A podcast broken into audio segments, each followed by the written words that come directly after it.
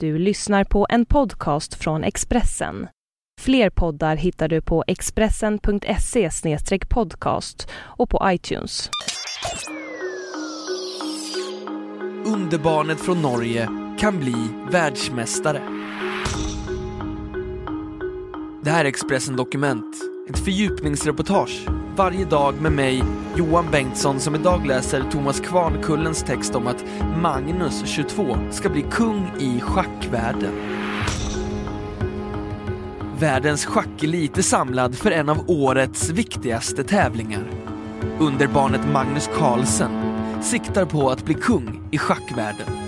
Samtidigt växer hoppet om att den 22-årige norrmannen ska göra sporten mer trendig.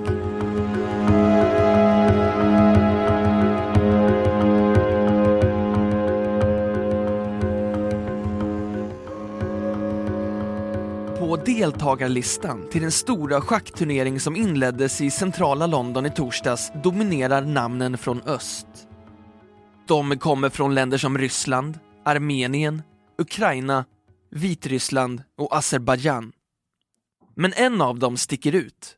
Han kommer från Norge. 22-årige Magnus Carlsen är dessutom storfavorit i tävlingen.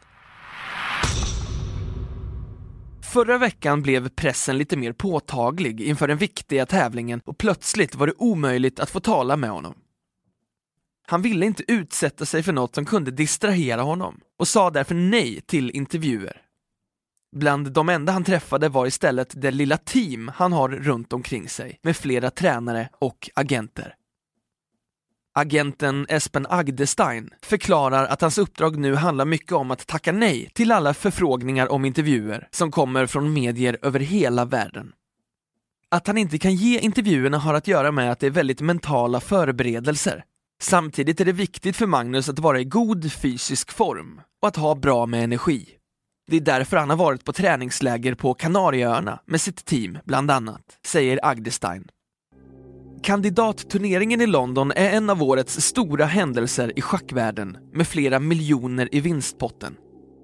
Det viktiga är dock inte pengarna, utan chansen att få utmana den regerande världsmästaren. Deltagarna förbereder sig i månader för att slipa taktiken, testa nya tricks och öppningsdrag. Allt för att kunna överraska motståndarna och få dem att begå ett misstag. Den norske 22-åringen svarar trots sitt intervjustopp på några av Expressens frågor via mail och konstaterar om sina förutsättningar att vinna. Jag hoppas att jag ska kunna prestera på min normala nivå och kanske ännu bättre. Lyckas jag med det har jag goda chanser, säger han. Magnus Carlsen kallas ofta underbarn. Resan mot världstoppen började när han som femåring blev visad av pappa Henrik hur han skulle flytta pjäserna. Det dröjde några år innan han blev helt inbiten och först efter det började hans föräldrar ana att sonen skulle kunna bli något riktigt stort. De skulle få rätt, för sedan dess har karriären gått spikrakt uppåt. Framgångarna, segrarna och en mycket tidig stormästartitel har gjort honom till en av de mest omtalade schackspelarna i världen. Som tolvåring tog han ett sabbatsår från skolan och reste runt i världen med familjen för att samtidigt delta i schacktävlingar. Han beslutade sig sen för att helt satsa på schackspelandet och la därför planerna på universitetsutbildning på hyllan. Som 19-åring blev han världsetta. Idag rankas han som en av de bästa schackspelarna någonsin.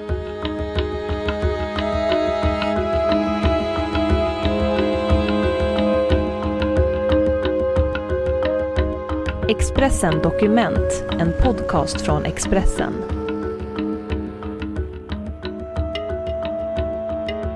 Trots att Magnus Carlsen tjänar omkring 9 miljoner kronor om året bor han fortfarande kvar i en lägenhet i sina föräldrars hus i utkanten av Oslo.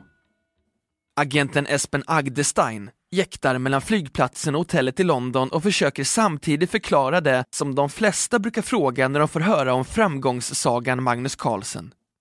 Hur kunde den unge norrmannen bli så bra?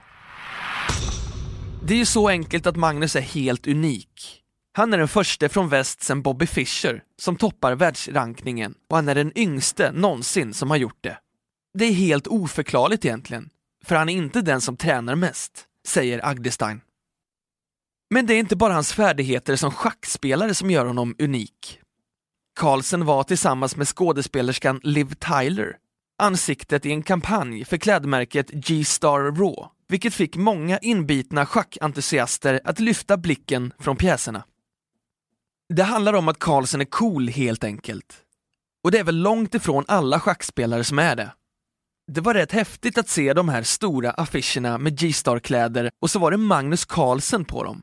Det är ju något som vi inte har sett förut, säger Erik Geijer som är redaktör för nätforumet Schacksnack och driver en schackbokhandel i Stockholm.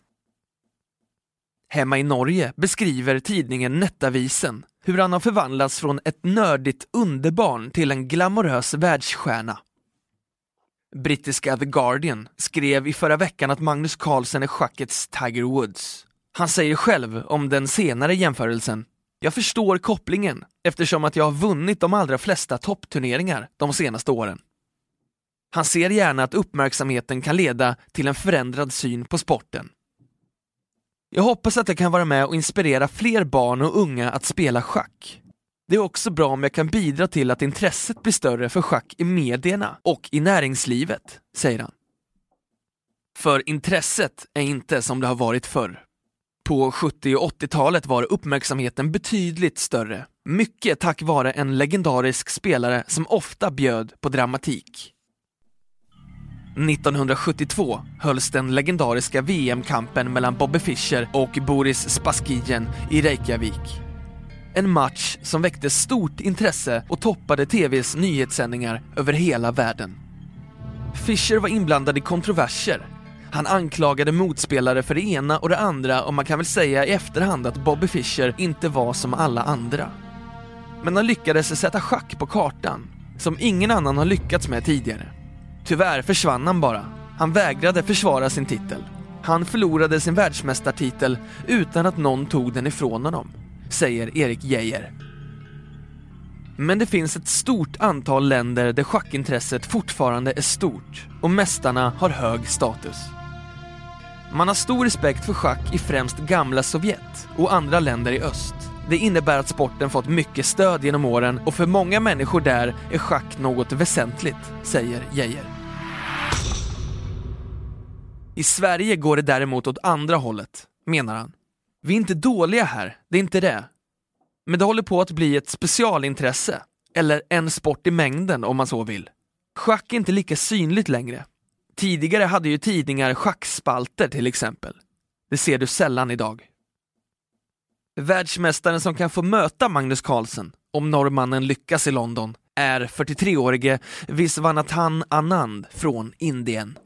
Han kan tyckas som en svår motståndare eftersom han innehar världsmästartiteln, har vunnit den vid fem tillfällen och dessutom varit ohotad på toppen sedan 2007. Men han är bara nummer sex på världsrankingen vilket talar till Carlsens fördel. På kvällen den 1 april vet Magnus Carlsen om det blir han som i höst får sätta sig mittemot Anand och om han får chansen att bli den tjugonde världsmästaren genom tiderna. Men norrmannen verkar inte se ett eventuellt nederlag i London som en katastrof. Om jag känner att jag inte har visat mitt bästa, då kommer jag vara besviken. Men livet går vidare och oavsett om jag vinner eller förlorar kommer jag fortfarande vara 22 år och ha större delen av min karriär framför mig, säger han i The Guardian. Du har hört Expressen Dokument, ett fördjupningsreportage om att underbarnet från Norge kan bli världsmästare i schack av Thomas Kvarnkullen, som jag, Johan Bengtsson, har läst upp.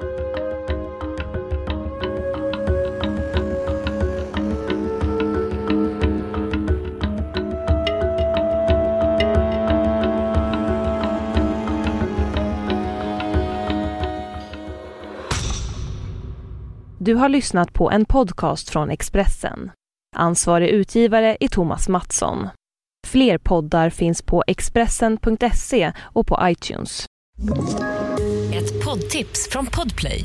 I fallen jag aldrig glömmer djupdyker Hasse Aro i arbetet bakom några av Sveriges mest uppseendeväckande brottsutredningar.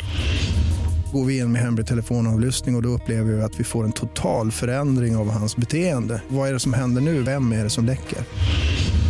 Och så säger han att jag är kriminell, jag har varit kriminell i hela mitt liv men att mörda ett barn, där går min gräns. Nya säsongen av Fallen jag aldrig glömmer på Podplay.